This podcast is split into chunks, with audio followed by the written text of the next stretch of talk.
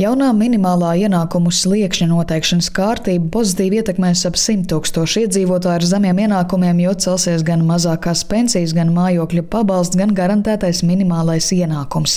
Iepriekš norādījusi labklājības ministre Evika Siliņa no jaunās vienotības.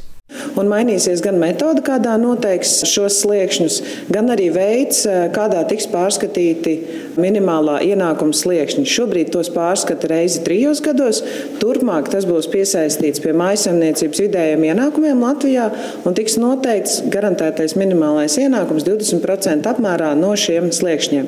Pārskatīsim reizi gadā. Minimālo ienākumu sliekšņu apmēri ir atšķirīgi dažādām sociālām grupām. Tiek piemēroti dažādi koeficienti, kā arī tas var būt atkarīgs no cilvēkiem noteiktās invaliditātes grupas un nodarbinātības.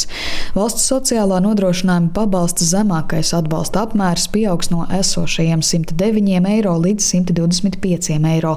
Tikmēr saskaņā ar tiesību sarga atzinumu pārtikai mēnesī būtu nepieciešami vismaz 180 eiro. Saimas diskusijās par budžetu opozīcija rosināja pabalstu aprēķinu bāzi bāzi palielināta, bet priekšlikums atbalstu neguva. Savukārt Tiesības sarga biroja sociālo, ekonomisko un kultūras tiesību nodaļas vadītāja Ineta Rezevska vērtē, ka minimālo ienākumu sliekšņa apmēru ik gadu būtu jāpārskata februārī, nevis janvārī, kā noteikts reformā.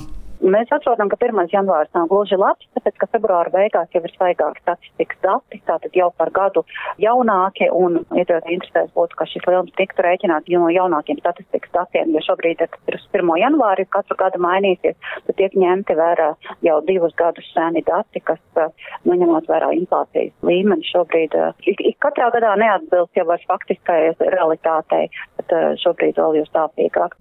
Sociālo darbinieku biedrības valdes priekšsēdētāja Una Lapskalna norāda, ka minimālā ienākuma sliekšņa celšana valstī pēc būtības ir pozitīvs signāls, taču ar aprēķinātajām summām personai pat laba nevar pietikt iztikai. Nu, par 125 eiro, kad mēs ieejam veikalā, cik daudz mēs varam iegādāties. Un cilvēkam par šo te ir jāpērk medikamenti, jānodrošina transports, apģērbs, pārtika mēneša garumā. Protams, ja cilvēks ir šī minimālā pabalsta saņēmējs, tad ir lielākoties no izdevumiem, kas saistīts ar mājokli, arī sēd sociālais dienas. Bet par 125 eiro pirmai personai cilvēks izdzīvot nevar. Un tādu cilvēku ir ļoti daudz, it īpaši, ja mēs skatāmies skatāmies, tātad tās ir personas ar invaliditāti, kuriem iekļauties darba tirgu ir samērā sarežģīti. Tās ir um, mammas un tēti, kas audzina bērnus vien. Visu minimālo ienākumu sliekšņu palielināšanai valsts budžetā rastais papildu finansējums šogad ir 10,4 miljoni eiro, bet nākamgad tam būs nepieciešams jau vismaz divreiz lielāks apmērs.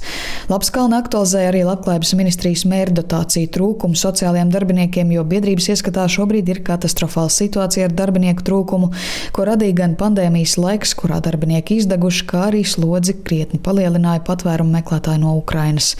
Sinti Ambote, Latvijas radio.